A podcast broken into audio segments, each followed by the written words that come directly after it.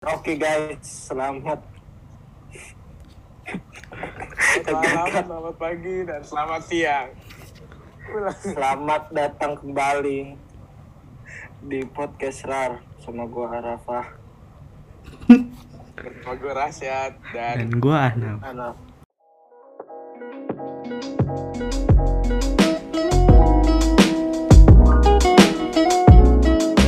Dan kali ini kita akan membahas tentang sejarah. Ya udah, sejarah apa tuh kak?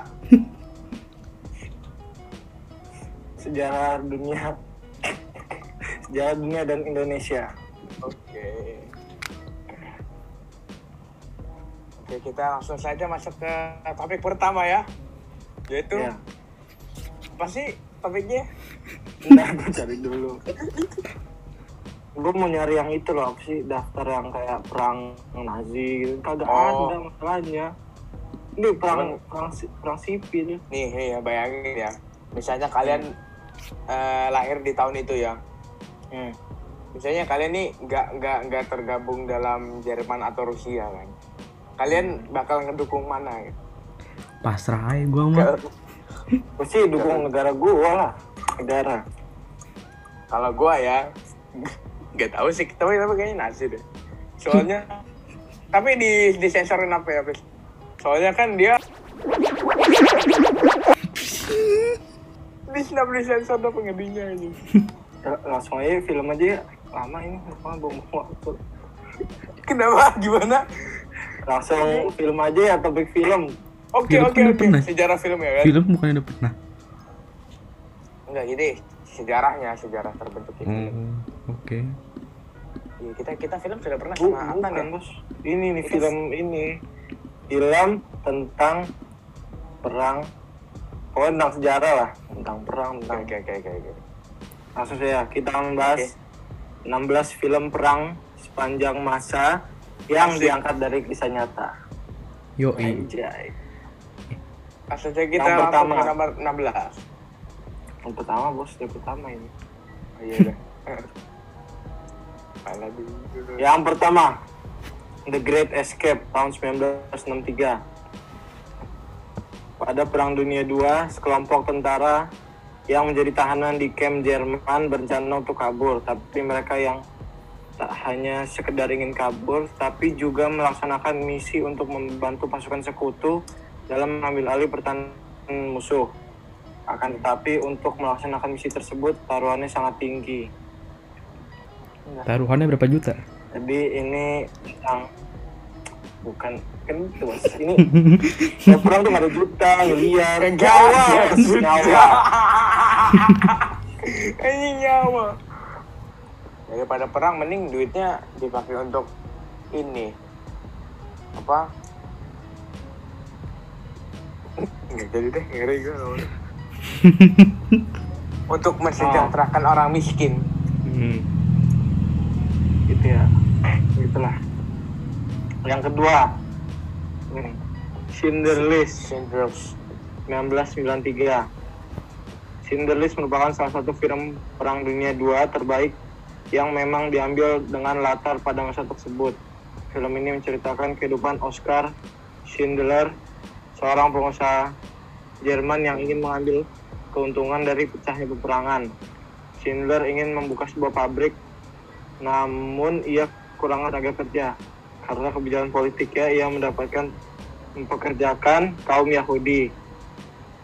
Namun ketika Schutzstaffel memulai pengusahaan bangsa Yahudi, Schindler memutuskan menolong para pekerja.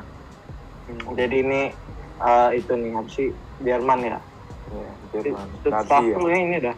Schutzstaffel tuh sebutan tentara Jerman kayaknya. Oh ini nih ini nih bos nih. Yang ketiga, Saving Private Ryan 1998. Seperti dijelaskan di awal, salah satu film terbaik Hollywood ini adalah mahakarya Steven Spielberg Spielberg. yang diadaptasi dari kisah nyata. Film perang terbaik ini memberikan gambaran kepada para penikmat film tentang kejadian Perang Dunia II, tepatnya D-Day Invasion, Invasion dan kejadian setelahnya. Semua orang mengakui adegan terbaik yang menggambarkan situasi peperangan di pantai Omaha hanya bisa dikerjakan oleh tangan ajaib Spielberg. Dirinya benar-benar bisa menggambarkan bagaimana perang dianalogikan sebagai neraka dunia. Oh ini yang yang ini ya Jepang ya? Iya, Pearl Harbor 2001. Masyarakat Indonesia pasti tidak akan melupakan momen pengeboman kota Nagasaki dan Hiroshima di Jepang. Peristiwa tersebut yang membuat negara matahari terbit itu perlahan angkat kaki dari wilayah Nusantara. Konflik ini kemudian dibuat ke dalam movie dan kemudian jadi salah satu film perang dunia perang dunia 2 terbaik hingga kini. Sebelum AS memutuskan melepaskan dua bom dua buah bom atom ke daratan Jepang, tentara negeri samurai ini telah yang terlebih dahulu menyerang pangkalan militer AS di Hawaii yang bernama Pearl Harbor. Kejadian yang menewaskan banyak tentara dan warga sipil dari pihak AS diangkat menjadi salah satu film perang dunia kedua terbaik oleh sutradara Michael Bay. Ini gue denger nih si bom nuklirnya katanya pas sekali jatuh pluk gitu Hmm? sampai dua Nggak peluk dong Mas sekarang lah. enggak sih Masa peluk anjing. duar gitu Dua. dua dua ribu kilometer ininya Iya bang. ininya iya kan habis dua kota Oh ininya apa sih kaki. Shock- shockwave-nya gitu ya? ah dua ribu kilometer Itu katanya apa? Apa namanya Gunung Krakatau meletusnya 32 kali lebih besar ya daripada ini ya bomnya ya? Atom. iya Apa sih? Gak. Iya lanjut pak. lanjut nomor 5 Black Hawk Down 100 prajurit Delta Force AS menjalankan operasi militer di Mogadishu, Somalia dengan kode misi Operation Gothic Serpent untuk menyergap kepala pemberontak di wilayah tersebut. Operasi militer ini diulas secara lengkap oleh reporter dan disajikan dalam sebuah buku. Dari buku tersebut, sutradara Ridley Scott mengubah yang mengubah menjadi film perang modern terbaik dengan berbagai adegan peperangan yang apik dan nyata. Oh, ini kayak ini nih film eh, apa sih perang Amerika Afghanistan. Sebenarnya nggak terlalu jadul-jadul amat gitu. Kalau menurut kalian perang dunia pertama sama kedua lebih seru mana? Eh, bukan lebih seru maksudnya eh, gimana ya? Lebih lebih ya, lebih historik, lebih historik mana? Menurut gua lebih dunia serem. kedua sih kalau kata gua ya. Gua ya. Yang Ya, keenam. We Were Soldiers 2002. Salah satu lagi film perang terbaik sepanjang masa yang tak boleh kamu lewatkan yakni We Were Soldiers. Film ini diceritakan menceritakan kisah nyata pertempuran di Vietnam. Viet Cong. Viet Vietcong. Cong, ah. Yang saat itu terbagi menjadi dua bagian, yakni Viet, yakni utara dan selatan. Vietnam Utara didukung oleh Uni Soviet, sekarang Rusia dan Vietnam Selatan dibantu AS. Film perang We Were Soldiers layak dianugerahi sebagai salah satu film perang modern terbaik sepanjang masa karena mempresentasikan hubungan antar masing-masing prajurit yang begitu setia dan loyal kepada sesama. Gua kira tadi dari judulnya ada tiga tentara tumpuk-tumpukan. Hah? Gimana gimana? Biber-ber. Biber-ber. Aduh, aduh. Aduh. Aduh, sangat garing. Eh cuman Vietnam hebat banget ya kok bisa bisa ngelawan apa bisa menang melawan Amerika. Iya, ah, itu Ya. ada apa sih di, Iya, di taktiknya. sananya ada yang eh, ada yang Yang lewat lorong ini ya apa sih? Ah, lorong bawah tanah gitu. itu. ha. Itu keren banget. iya, keren keren keren. Keren Vietcong. Iya lanjut. Lanjut. 7. Defiance 2008. Berdasarkan kisah nyata dari Bielski Brigade, film berjudul Defiance ini merupakan cerita saat tentara Nazi membantai orang Sorry guys, sorry guys. membantai orang Yahudi Eropa pada tahun 1948. Tiga bersaudara Tuvia, Sus, dan Asael berhasil melarikan diri dan berlindung di hutan untuk kemudian mempersiapkan pembalasan dengan bergabung dengan para pengungsi yang lain yang selamat. Jadi ini Oh ini ini jadi ceritanya sekumpulan orang Yahudi mau balas dendam gitu. Yuk lanjut. lanjut. Yang Valkyrie. ke-8 Valkyrie tahun 2008. Film ini mengambil kisah nyata rencana membunuh pemimpin Nazi Adolf Hitler pada 1944 yang bertajuk Operasi Valkyrie. Seorang kolonel bernama Klaus von Stauffenberg awalnya setia kepada negaranya, namun khawatir Hitler akan mendatangkan bencana. Akhirnya ia bekerja sama dengan kelompok yang punya pemikiran sama untuk meruntuhkan rezim Nazi dari dalam.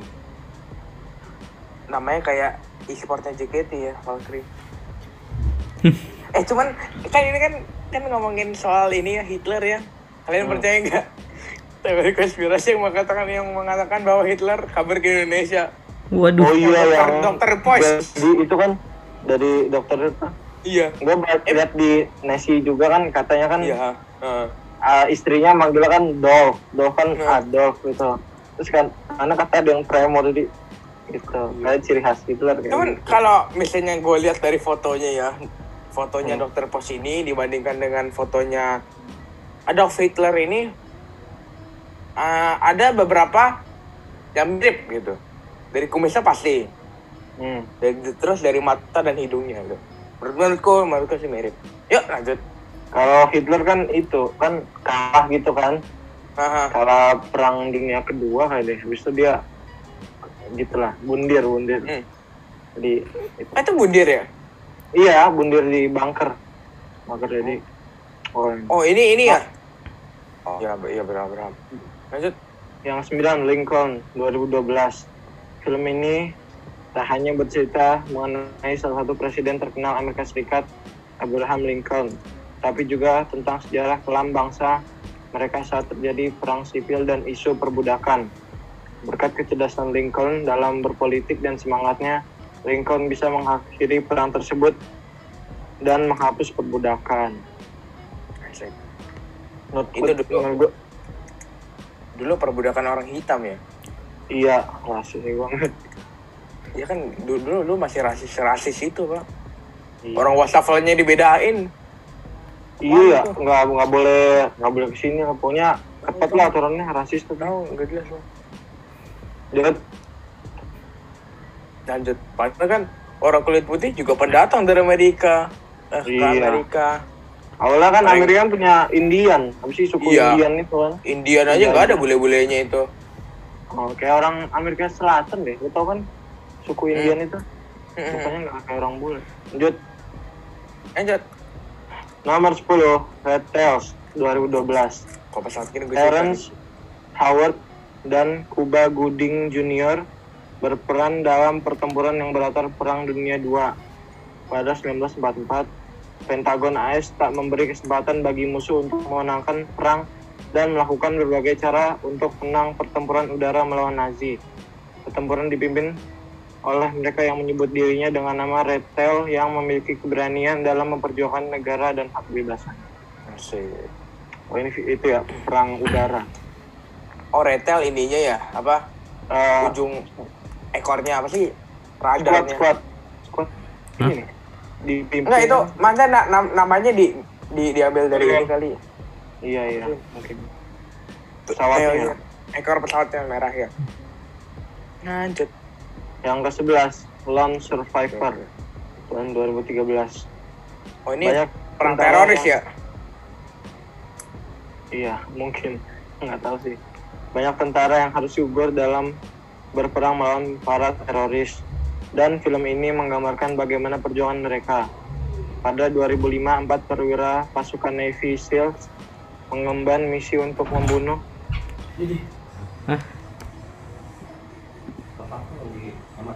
Iya. Yuk. Bah- bahkan kawanan kambing di medan tempur tak dibiarkan mati. Teroris Amerika Afghanistan. oh Afghanistan. Mm. Wah Amerika kalau nggak Amerika, Afghanistan, Iran, Irak. Nah, ini apa namanya? Si siapa? Yang terkenal tuh? Bin Laden Osama. Osama bin Laden. ya kan? Osama Bin Laden Iya. itu di mana?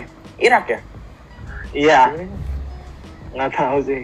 oh ini Am- Am- American Sniper ini yang ada meme ini bukan sih? Yang yang kata modern ke eh kon itu tuh gak Yang awal meme. yang ya yang selamat Idul Fitri mohon maaf lahir dan batin Oh, oke tahu kan Iya tahu tahu tahu. Bagi yang nggak tahu cari aja sendiri ya. 12 American Sniper tahun 2014. American Sniper merupakan kisah dari tentara Navy SEALs yang bernama Chris Kyle. Ia merupakan seorang penembak jitu yang hebat terkenal akan ketepatan dan keterampilan dalam menembak di medan tempur. Berkat apa yang telah dicapainya, namanya pun dikenang dan menjadi legenda.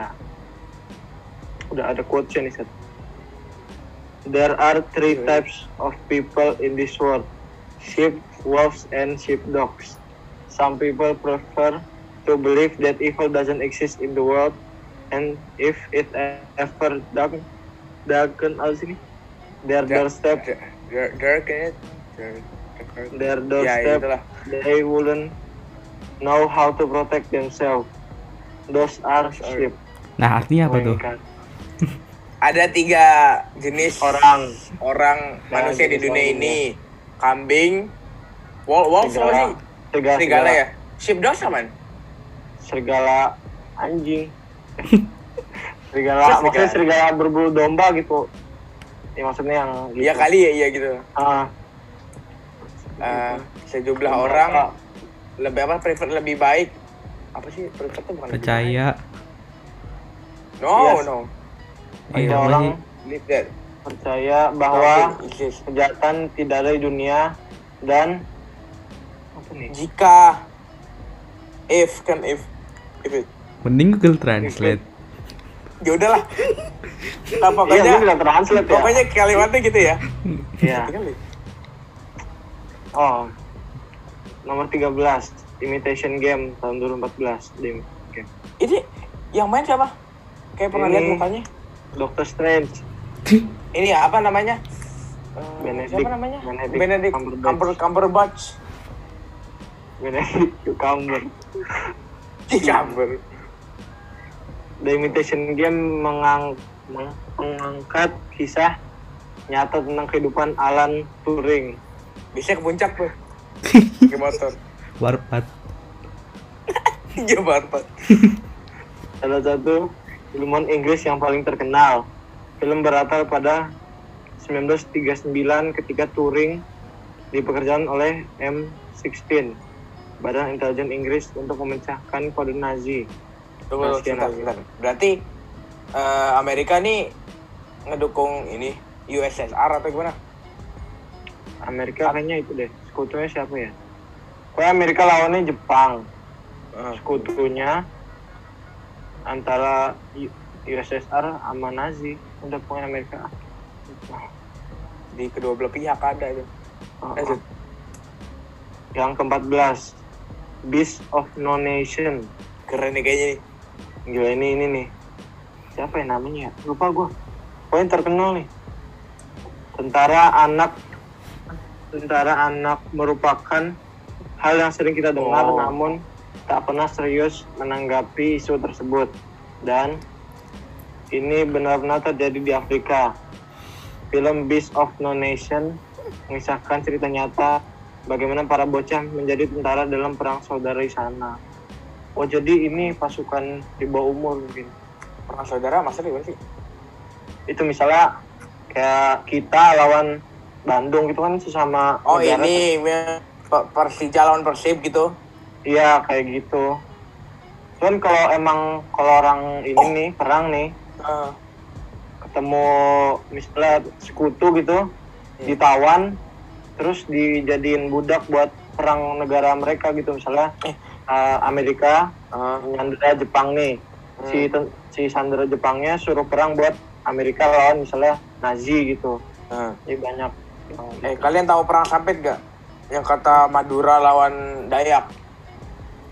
Serius, serius. Itu itu itu kan sampai sampai penggal-penggal pala kan. Terus palanya orang Madura yang ada di yang ada di Kalimantan sumpah seriusan itu palanya di, di, dijadiin buat main bola pak di buat main bola demi Allah li, li, lihat deh lihat deh Li, nanti nanti abis ini lihat di di di, di Google gambar perang sapi gitu nah, lanjut 13 hours Nomor 15, 13 hours. Lu baca set, haus gue set baca. Oke. Berjudul 13 Hours. Ini merupakan film perang terbaik yang disuguhkan oleh sutradara ternama Michael Bay. Film ini bercerita tentang kisah nyata pada tentara angkatan darat Amerika Serikat yang melangsungkan operasi di Libya. Film ini begitu mendegangkan di mana para tentara harus mengamankan sebuah markas rahasia CIA yang jaraknya tak jauh dari tempat musuh mereka. Lagi bangun markas di dekat ini musuh. Dekat Iya. musuh gimana sih? Ada nih. Kalau mau pindah aja pindah gitu. Ih, jangan dekat itu ya, markas musuh gitu loh. Markasnya kosongin aja terus bikin markas sementara gitu. Iya, benar benar. Oke, lanjut. Nomor 15, eh 16. Gue aja baca set. Ini Oke. terakhir. Gue tau filmnya. Mayoritas film perang dunia dunia kedua. Judulnya judulnya. Oh iya. Letters from Iwo Jima tahun 2006. Jepang apa? Mayoritas Oh iya, Bro. ah, Jepang. Mayoritas film perang dunia kedua berangkat dari sudut pandang Amerika Serikat dan Kutu. Namun karya Clint Eastwood yang satu ini berbeda. Dia memiliki menga- dia memilih mengambil sudut pandang perang dari sisi tentara Jepang. Letters from Iwo Jima dapat disebutkan sebagai salah satu film ter- perang terbaik karena tidak hanya menampilkan adegan peperangan yang seru, namun juga mengisahkan cerita yang selama ini tersembunyi. Cerita mengenai kesedihan peperangan di Iwo Jima baru terungkap ketika para arkeolog Jepang melakukan penelitian di gua-gua di sepanjang pulau Iwo Jima di tahun Oh, 2005. Film ini sendiri bercerita tentang pendaratan tentara sekutu di Pulau Iwo Jima dan supaya dan upaya tentara Jepang untuk mempertahankan pulau penting tersebut. Akhirnya para tentara Jepang terpaksa bertahan di gua di gua-gua dan disulap menjadi markas pasukan Jepang. Namun serangan pasukan sekutu dan kesalahan strategi membuat tentara Jepang terjebak. Kondisi sanitasi yang buruk dan kurangnya makanan membuat banyak tentara di antara pasukan tidak mati dalam peperangan melainkan karena sakit, kelaparan dan bunuh diri. Biasanya kalau perang- gitu bangkai temannya dimakan tuh kalau misalnya nggak ada ini, Waduh. nggak Ini ada makanan kan. So kalau orang Jepang tuh kalau misalnya kalah nih ya, kalah perang gitu Hmm. lawan sekutu, Arah kiri ya. di- Iya, bunuh diri buat terhormat gitu. Gue juga Coba nggak gua- tahu apa gua- faedahnya gitu loh. Gua gua pernah lihat video harakiri itu beneran ya. Anjing itu di di Twitter kan serem sih, serem seriusan. Serem banget, serem banget. Ini Pakai kan di kan ditusuk gitu. pakai katana sorry, ke Oh samurai iya orangnya. katana. Oh iya. Katana nih di sini. Ih, serem, serem banget, serem banget. Duh. Gua gua tahu nih ini- film sih? Lulus. Matinya perlahan gitu. Gitu, ih, ih. Pokoknya kalau tentara Jepang kalau kalah bunuh diri lah. Pokoknya nggak mau kalah di tangan sekutu. Ya, Iya, mbak mereka tuh lebih lebih baik mati daripada ini Iya. malu gitu. Ya mati bunuh diri malu itu ya. Sebenarnya gua tahu film ini nih film apa tuh film perang gitu kan. Ya. Namanya tuh Hacksaw Ridge. Jadi itu kayak film perang Amerika Jepang gitu. Jadi ceritanya kan kayak ada orang namanya siapa ya? Pokoknya ada orang lah pengen ja- eh, daftar jadi tentara buat masuk eh, buat perang lawan Jepang. Nah, Cuman dia dulu pernah trauma mukul kakaknya gitu pakai bata gitu kan. Jadi ngelihat di dinding rumahnya ada tujuh dosa. Jadi nggak boleh bunuh gitulah dosanya nggak boleh bunuh tujuh dosa besar Hmm. gitu.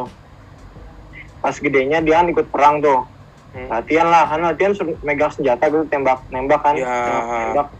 Dianya kagak mau. Terus sama karena trauma itu. iya trauma kan di agamanya nggak boleh bunuh, ya kan agamanya Kristen kan. Hmm. Terus eh, dia dimarahin kan, dibully hampir hampir di semua agama emang gak boleh bunuh deh. Iya. Terus dibully sama temennya gitu kan, sama komandannya dituntut. Terus pas persidangan kan dia mau di bebas artinya bebas jabatan gitu kan mau dikeluarin gitu. Ada bapaknya datang bawa surat kalau misalnya anaknya sih nggak salah kalau misalnya nggak bunuh gitu. Terus dia jadi tentara medis. Hmm. pas perang dia itu itu loh apa sih jadi tentara medis itu bagus lah filmnya historis jadi pas malam nih eh, kan jadi kayak masuk gua apa ya lembah bukan gunung gitulah perangnya di atas gitu kan ya ada gunung naik ke atas gitu perang lawan Jepang. Yang lain pas malam gitu yang lain pada tidur gitu dia bawa eh, tentara yang sakit dari medannya satu satu satu. Jadi pas pagi kan komandannya kaget lah. Kok anak buahnya kan ada di sini semua siapa yang ngituin gitu yang bawa gitu kan. Karena kan orang-orang udah pada di bawah gitu. Ternyata di atas tuh masih ada dia yang bawain tentaranya itu biar berobat gitu biar bisa perang buat itunya lah itu bagus lah filmnya yang peranin itu loh lu tahu itu kagak yang Spider-Man Amazing Spider-Man yang yang kedua itu yang ini Gue gak tau namanya tapi tau mukanya. Apa judul filmnya, Pak? Hacksaw Ridge. Heh, Hacksaw Ridge, Hacksaw Ridge. Ini film tahun 2016. Ini loh saya yang ini. Kayak pernah lihat ininya sih, posternya. Itulah dia 16 film orang terbaik sepanjang sejarah. Asik. Mantap. Jadi gimana pendapatnya, Naf? Pendapat Film mana yang kelihatan kelihatannya paling seru, kelihatan paling seru? Tadi tuh yang terakhir yang dibacain sama Rafa no. Yang seru tuh. Apa yang jadi Hacksaw Ridge itu ya. iya Hacksaw Ridge ya, itu keren sih. Ini juga seru nih, latest. Soalnya film perang tuh gue su, gue tuh, gue su, gue sih suka gitu kan. Apalagi perang yang tentang Jepang, Amerika gitu kan. Mhm. banyak lah yang bagus salah satunya apa ya Midway Midway itu perang Jepang Amerika kan yang Pearl Harbor itu yang tadi mirip-mirip lah itu filmnya lama banget kan gue nonton sama bapak gue tuh Hmm. itu tentang strategi perang gitulah kalau yang suka perang boleh coba filmnya bagus kalau boleh tahu nontonnya di mana tuh? Ada lah di bioskop Kalian corona kalian punya saran nggak apa film perang tapi perang dunia ke satu yang bagus apa? Tunggu dulu nih. Menurut lu apa chat yang bagus ya? Menurutku Hmm. hmm. yang ini terakhir Letters from Iwo Jima. oh iya Iwo Jima juga bagus nih gue ada nonton di YouTube alur ceritanya bagus Gua gua belum nonton ceritanya aja pas dengerin rangkumannya kayaknya kayaknya seru gitu. Eh, co- co- eh co- coba coba cari dulu Pak gambar perang sampit Pak lihat tuh Pak. perang apa perang apa Perang sampit. Sampit. oh iya gue cari gue cari. Gua pernah lihat waktu itu ini ini ada ada pala nih sama darah nih di, di apa di apa di di di arak sambil bawa motor sumpah begini nih. Weh weh weh gitu. Konflik sampit adalah pecahnya kerusuhan antar etnis di Indonesia berawal pada Februari 2001 dan berlangsung sepanjang tahun itu. Konflik ini dimulai di kota Sampit, oh, Kalimantan Tengah, dan meluas ke seluruh provinsi, termasuk ibu kota Palangkaraya. Konflik ini terjadi antara suku Dayak asli dan warga migran Madura dari dari Pulau Madura. Kan Madura ngomongnya diulang-ulang ya. Iya sate. Tretan dong tretan Iya kayak kayak Tete konflik tersebut pecah, pecah pada 18 Februari 2001 ketika dua warga Madura diserang sejumlah warga Dayak. Konflik sampit mengakibatkan lebih dari 500 kematian. Dengan lebih dari 100 ribu warga Madura kehilangan tempat tinggal. Banyak warga Madura yang ditemukan dipenggal kepalanya oleh suku Dayak. Coba tuh, kita lihat latar belakangnya. iya eh nah dah Jadi konflik sampit pada tahun 2001 ini bukanlah insiden yang terisolasi karena telah terjadi beberapa insiden sebelumnya antara warga Dayak Madura antara warga Dayak dan Madura. Konflik besar terakhir terjadi di antara Desember 1998 96 sorry dan Januari 1997 yang mengakibatkan 600 orang tewas. Penduduk Madura pertama di Kalimantan tahun 1930 di bawah program transmigrasi di dicanangkan oleh pemerintah kolonial Belanda dan dilanjutkan oleh pemerintah Indonesia. Tahun 2000, transmigran membentuk 21% populasi Kalimantan Tengah. Banyak juga. Suku Dayak merasa tidak puas dengan persaingan yang terus datang dari warga Madura yang semakin agresif. Hukum-hukum baru telah memungkinkan warga Madura memperoleh kontrol terhadap banyak industri komersial di provinsi ini seperti perkayuan, pertambangan, dan perkebunan. Ada sejumlah cerita yang menjelaskan insiden kerusuhan tahun 2001 ini. Satu versi mengklaim bahwa ini disebabkan oleh serang serangan pembakaran sebuah rumah Dayak. Rumor mengatakan bahwa kebakaran ini disebabkan oleh warga Madura yang kemudian dan kemudian sekelompok anggota suku Dayak mulai membakar rumah-rumah pemukiman Madura. Profes di Asosiasi Masyarakat Dayak mengklaim bahwa pembantaian oleh suku Dayak dilakukan demi mempertahankan diri setelah beberapa anggota mereka diserang. Selain itu juga dikatakan bahwa seorang warga Dayak disiksa dan dibunuh oleh sekelompok warga Madura setelah sengketa judi di desa Karengtangi pada 17 Desember 2000 gitu Serem banget ya tuh. Bawahnya kan sedikitnya 100 warga Mandura dipenggal kepalanya. 100 pak 100 orang Sedikit dipenggal. Terus doang ya. Eh, 100 Banyak banget gitu doang. maksudnya. banyak tuh ada yang dibuat main bola ada yang diarak maksudnya 100 pala tuh buat apa gitu jadi nggak tahu nggak tahu souvenir gitu dicongkel matanya kan kagak kerajinan nih nah nih coba bawahnya mana Skala pembantaian membuat militer dan polisi sulit mengontrol situasi di Kalimantan Tengah. Pasuk